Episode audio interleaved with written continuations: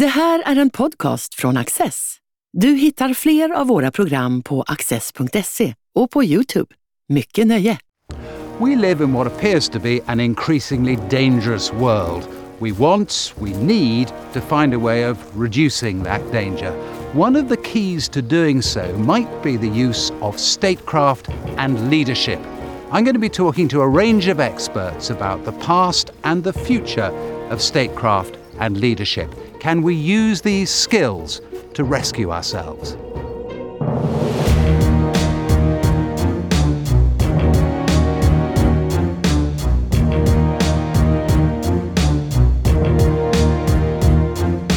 Daisy Dunn is an award winning author and classicist who's published widely on a variety of biographical and classical themes. So, in pursuit of greatness from Troy to Westminster, we talked about the impact of classics on modern life. I'm a modern politician. I'm looking to the classics for inspiration. What, what do I find? Or first, perhaps, where do I look? I think the first place to look is Homer, because Homer is the earliest piece of written down literature we have from the Western world. It's full of heroes, nominally, people who are fantastic on the battlefield, people who maybe struggle with things as well, people who are quite complex and quite human. And I think as a modern politician, you need to find people who are great to look at, but you also need to find people who you can relate to, so people who aren't superhuman. And I think in the Iliad, that's exactly what you find. Uh, and when you find them, do, do you find that they reflect modernity? Or are you looking for things that you want to bring from them to modernity? Or is it a, a bit of both? I think it's a little bit of both. I think you look in those uh, the, the, great poems, uh, the Iliad, the Odyssey, early works of literature, and you find characters with characteristics that you can identify with, and you can think, well, this person did this right, this person did this wrong. What this person in antiquity was seeking was something called kleos in Greek, which is a reputation so great that it outlives your mortal span. And I think that can be a very powerful driving force in modernity as well as an antiqu- mm. antiquity. Not necessarily a driving force for good. Not necessarily, it can be quite egotistical. I think people wanting to live on forever is the ultimate sort of ego quest, isn't it? You're sort of looking to not be forgotten by the world. You're very aware that you have a set number of years in which to live. And this quest for, for greatness, for, for longevity, begins all the way back in history, but is it actually fulfilled is a, a good question to ask. Yeah. Well, is it? Well, I think in, in some people's cases, in Achilles' cases, it is, but Achilles was not a real person there are very few people who actually do manage to achieve that. Um, people such as Pericles, maybe. But is that is that then also a warning if a modern politician wants to accept that warning that things won't work out for you, or at least they won't work out for you in the way that you're planning when you when you start them? I think that's an interesting point. I think that things don't always go right. If you think of people such as Agamemnon, he was a great military leader. He led the Greek army to victory, supposedly over Troy. People revered him. He went home from the war and his wife murdered him. So people have setbacks.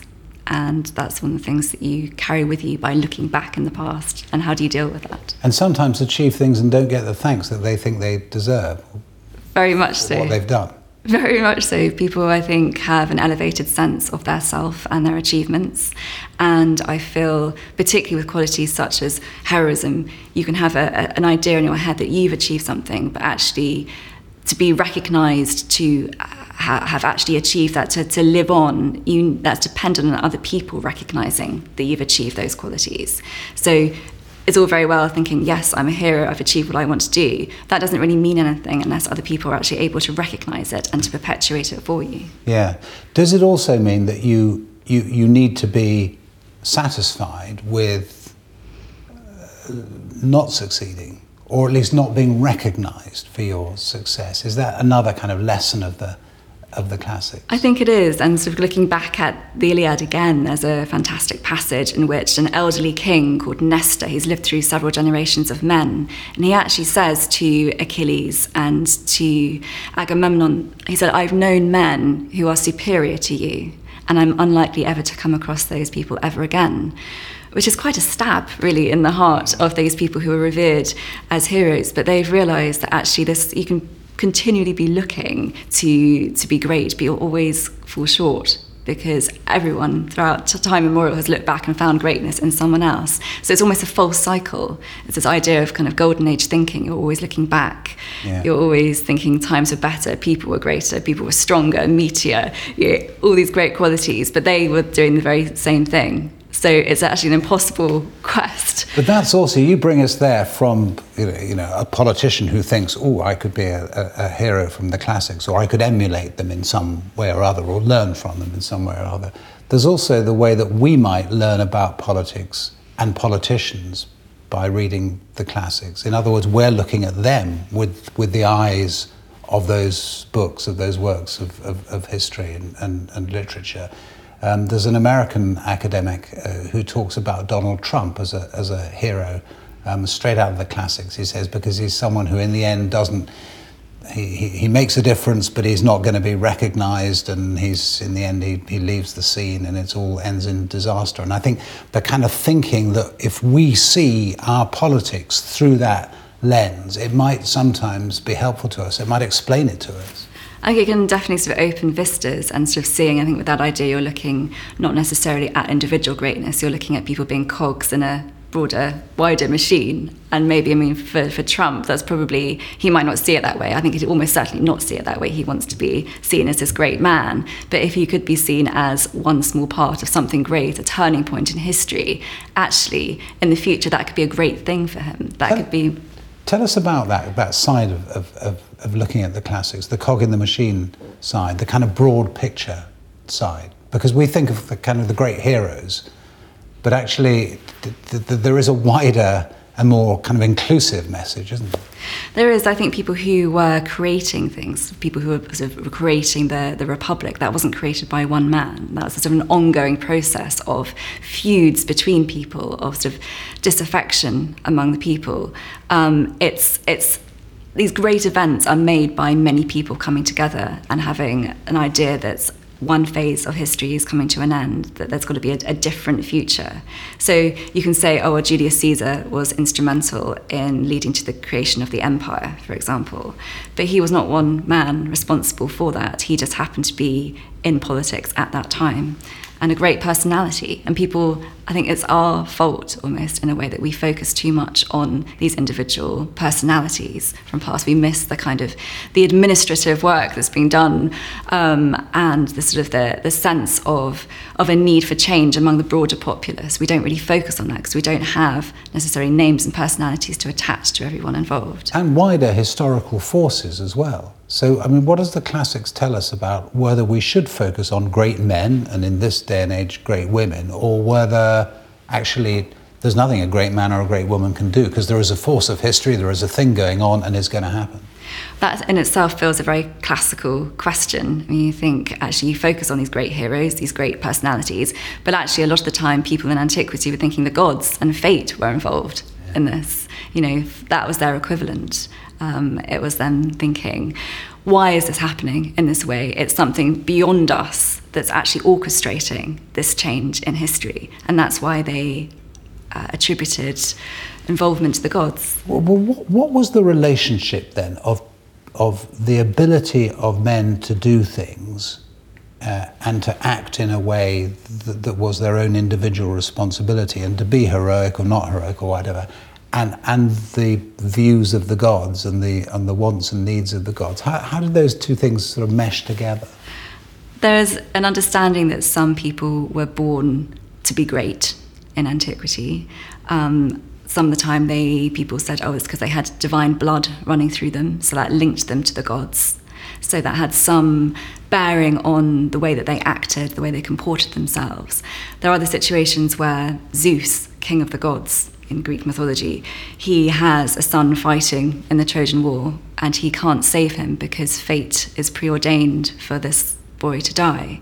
So there's this very complicated relationship between gods, fate, and men and what they all do. And it sort of varies from case to case in terms of, sort of how things actually work out. Which is a much more sophisticated thing, isn't it, than I think we sometimes kind of lazily think of, of, of the classics as, as, as, being these kind of great heroes and these, these things, and occasionally a, a clash with a god. But actually, as, as you put it, it's a much more kind of organic whole? There is. I mean, I think almost a, a cliche people often attach to to the gods and men. They say, "Oh, it's like the gods are playing chess." With, just humans, are just all chess pieces. The gods are moving them around. It's depending on so the relationships between the gods. Some of them fall out, so therefore one of them champions this human, and then their rival god will champion that human, and then they'll clash. But actually, there's a lot more subtlety in the relationship between them all. It's it's not a just sort of zero sum game between gods and men. Yeah. Uh, c- coming further uh, towards modernity, where have the classics had an impact on politics? Where in, in, in geographical terms, but also where in temporal terms? Where, where, where have they had the most impact? Well, I think immediately you look to America. America, the sort of founding fathers were obsessed with the idea of classics. And you still have the Senate House, you have the Eagles, all these things are taken straight from Rome. Um, people talked about Cicero. They signed off letters to Cicero. Sort of one of the longest running plays uh, was uh, Cato, a tragedy, and that sort of talked about people in antiquity and sort of Cato and Cicero were see, really seen as champions of liberty. And Thomas Jefferson was reading Cicero when he was drafting, you know, all the so the original sort of paperwork, as it were, and so this is actually sort of the, the foundations of modern American politics are very much founded on this area of late Roman Republic. So that's important. And I think Donald Trump has been much derided in 2019 in particular. He said that America and Rome are actually bound together by this shared cultural heritage. And lots of people were saying, well, what on earth? America's so young, how can it have this relationship? But I think, you know, not to defend Trump, but he had a point that there are certain ideas which are incorporated into sort of the, the foundations of modern America, which are taken Yeah. straight out of Yeah. Rome. Yeah, and of course, on the uh, American right, a lot of American conservatives make the point that America is is is not a democracy; it's a republic, and, th- and there is a difference, and there's an important difference. And they, again, they take that, don't they, from from that past? they do take that, and I mean this this holds true in Britain as well. I mean, I think you know our recent Prime Minister Boris Johnson, he's held Pericles as his personal hero. He's had a bust of him on his desk for you know 20 years since he was mayor of London. People have taken individuals and said, I feel some connection to that person. So whether it's the sort of the idea of antiquity they carry with them or an individual, it's it's important either you know on a personal level or on in the interest of the state more more broadly. Yeah, Boris Johnson's an interesting one, isn't it, when it comes to the, the classics? Because he obviously studied it university, has this sort of sense of how it informed his career. Do you think his um, the hugely controversial nature of his departure, both as prime minister and now also as an MP as well, do, do, what, what does it do to our thinking about how how classics has an impact, can have an impact on our modern politics? My feeling is that Boris Johnson's been very much propelled by this feeling, this desire to emulate the heroes of antiquity. People talk about him and Churchill a lot. I think Pericles and other people are actually more important to him. This idea of living forever because they've achieved something so wonderful, I think, is a major driving force in his ambition. Um, I think that when he looks to the classical past, he sees the sort of possibilities of what can be done and sort of the, the longevity you can attach to a single name. What, what impact does it have on populism more generally? I don't know whether Boris Johnson can be described as a populist or not, but when you think of, of populism, you think of those leaders we think of as populists now. What, what, what do the classics tell them and what do they tell us about how that works out? Say it's very difficult to please everybody. Um, Pericles is seen as a great statesman, for example. Boris Johnson knows that. Um, but he also said things like, great is the woman who is least spoken about, for good or for ill. That's not going to appeal to everybody today. People can name drop, he, he name drops um, Cincinnatus, a sort of 5th century BC Roman politician, when he uh, left as prime minister in his final speech how many people know who Cincinnatus is today? Very, very few. And I think when you're naming these individuals, you're not trying to make your own message clear to the population. It's more to yourself.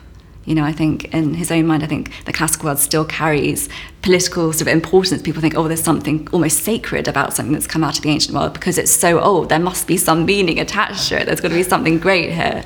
But they don't need to know the particulars. So I think when Boris Johnson mentions someone like Cincinnatus, he's thought about that very, very carefully. And in his case, Cincinnatus left politics and came, went back into them. So people have overanalyzed that and thought, well, he clearly thinks his work in Downing Street is not done.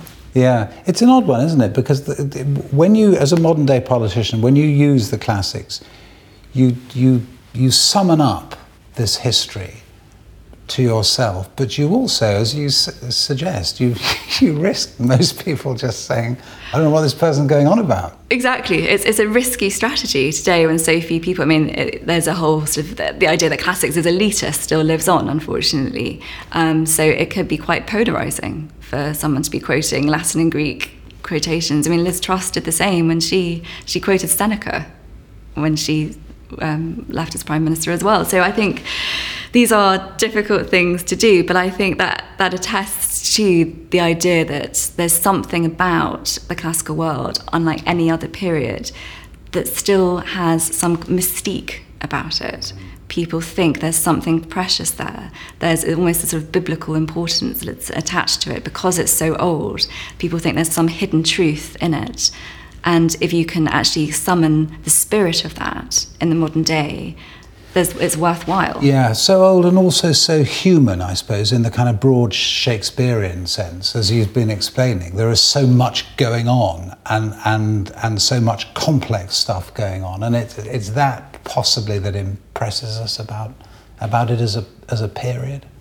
Yes, I think so. I think it's it went through ups and downs. You see the sort of peaks and troughs, and I think in our own day and age, we're always wondering. What at the moment we seem to be very much in a trough. I would say that's sort of popular opinion. So I think when you look back at antiquity, and you can see some of the really really dire things that happened.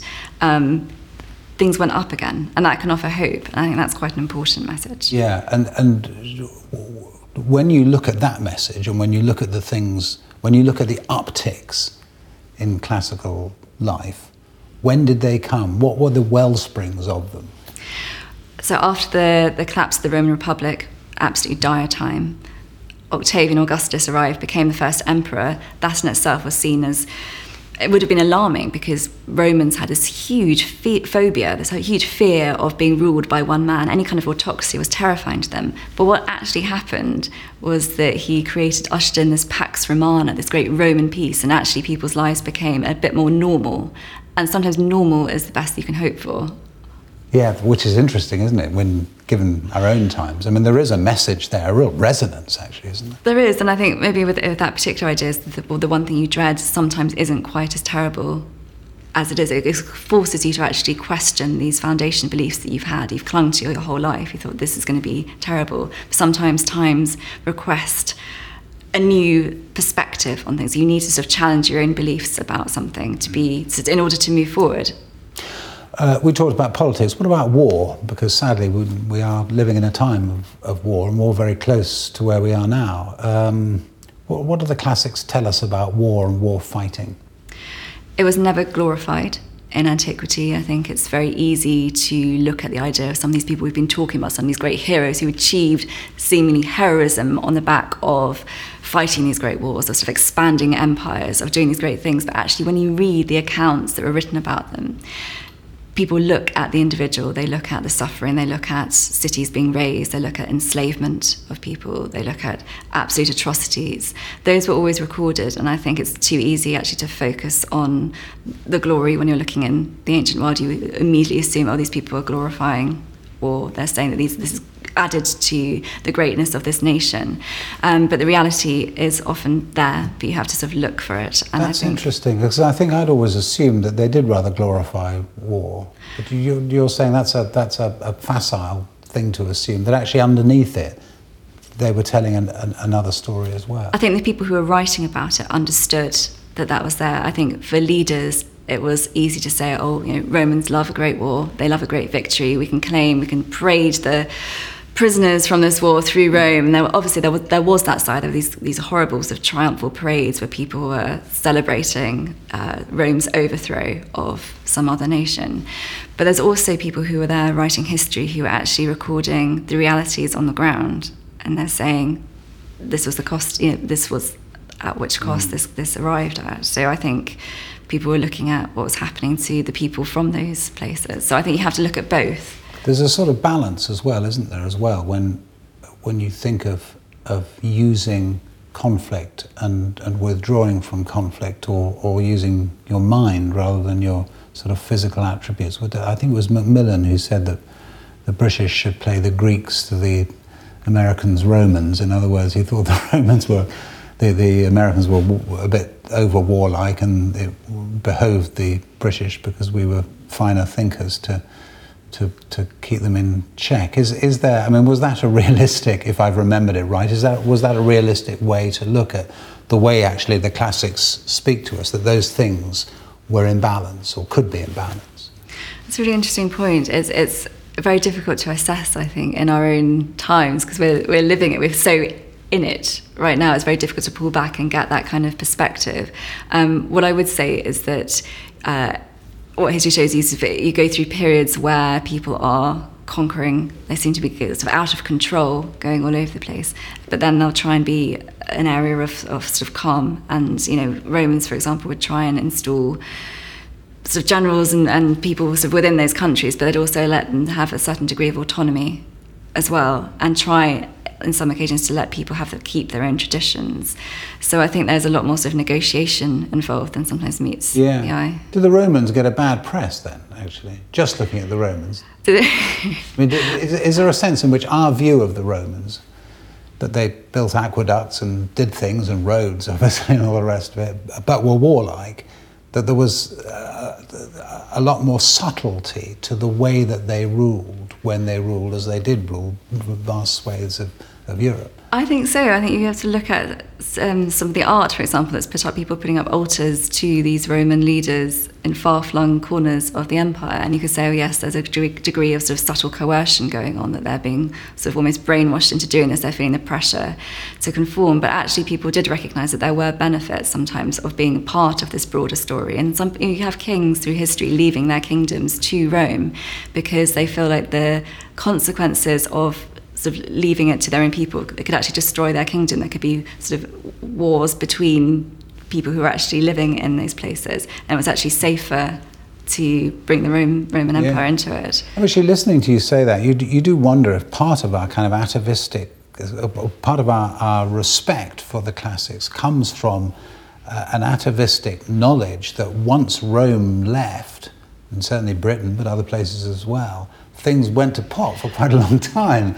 And I mean, it's always come down the many centuries to, to us, that kind of sense of, gosh, they knew what they were doing. And then afterwards, we messed it up. Things fell apart. So, yeah, you look at the fall of Rome and you compare sort of life before and after, and actually on an everyday level, it was worse for most people after the fall of Rome. But I wonder mentally if we've kind of we've, we've brought that on board, and that is part of our thinking now, part of our respect for the classics, which we were trying to work out why why yeah, we were quite so respectful. Maybe that's it to an extent. That might well be it. I think what a lot of the problem is is we. I mean, empire is a very very unpopular concept now, and rightly so. We have ideas of of the British Empire, and I think that colours our ideas too easily of other empires such as the Roman Empire. I mean, there are similarities, but there are also major differences, and we forget that it's actually you can't compare one empire with another because they are so different. Yeah. Uh, what do the classics tell us about modernity when it comes to our ability, not just to get ourselves out of the various holes that we're in, but also our ability to get on with each other as people, um, as individuals? And, and I suppose it's more of a cultural thing than a, than a political one or a sociological thing. What, what can you learn about, what do the classics tell us about how people should behave towards each other?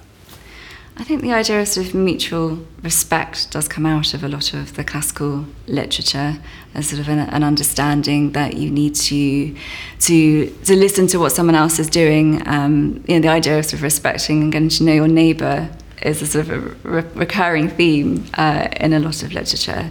And I mean, give us an example of that. Well sort of one of the, the, the areas that I sort of read a lot on is um, love poetry, for example. And I think you sort of think of Pompeian graffiti, you think of all these sort of very explicit, quite lusty ideas, and actually you forget that there's lots of tenderness between people, and there's an open-mindedness to the way that people carried on. I mean, we, we are quite censorious about adultery, for example. Um, the Romans, not so much. I mean, there was a sort of understanding, particularly among rich Romans, that this was a sort of fact of life. And it wasn't all sort of this horribly lewd um, veneer to it that we maybe attach. There are people who are actually writing love poems to each other. One of them could be married.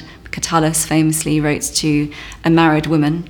Um, this poetry was notorious. She happened to be married to a politician, which didn't help, so it created a stir. But there's real tenderness in that poetry as well. There's a, an ability to sort of love beyond borders, I, think, I guess we might say. Yeah, which is really interesting actually, because we think of ourselves as being so kind of able to be more open and honest and all the rest of it about love and about sex and all the rest of it. But actually, you're saying, well, not really. I think we're the opposite. I think we've become more puritanical. And I say this even in, in the 20th century, people bowdlerized whole passages of classical text. I mean, still you can look in these sort of dictionaries and you find, you look up a rude uh, Latin word and they'll give it to you in Greek, the definition rather than English, because it was seen to be too explicit. I think we, we sort of moved beyond that point, but actually I think we're going back the other way and we're being very um, disapproving of a lot of this. And it's it seems bizarre to me that we should be bringing so much of our own sort of puritanical views again to bear on this material, which is actually quite good fun a lot of the time. I think it kind of spoils the fun to be saying, well, he shouldn't be doing this, she shouldn't be doing this. We're, we're too judgmental. But you say because we, we know that we censor novels because we, we've decided that there are all sorts of things in written novels written relatively recently that we can no longer um, bring ourselves to read or have read by other people. Are we really doing that with the classics as well? I think there's nervousness, um, particularly in some of this poetry. You find um, men writing to boys, for example. Yeah. Again, we're not going to sit there and say, "Well, this was a right thing to do," but then I think it's kind of wrong for us to sit there and be overly censorious. We can't judge it by our own standards of our time. It was very different back then. I think you can still read those poems. They shouldn't be sort of pushed away because they contain material that we don't agree with on a you know, ethical level today. You say it shouldn't be, but are they being? I mean, is, is, that a threat, Do you think, a realistic threat?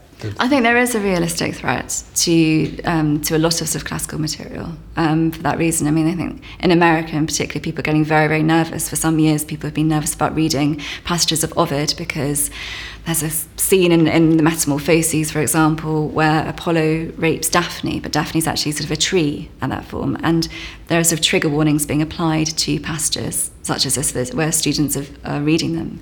So people are being maybe deterred by the sudden application of trigger warnings to passages of classical literature, which perhaps the majority of us wouldn't find offensive. I think, you know, there's this whole um, movement of, of, of, offence that we're, and, and classical material is full of stuff that's going to be offensive to us on some level. And I think it just requires some maturity to be able to read that and to separate our times from theirs. Daisy Dunn, thank you very much. Thank you.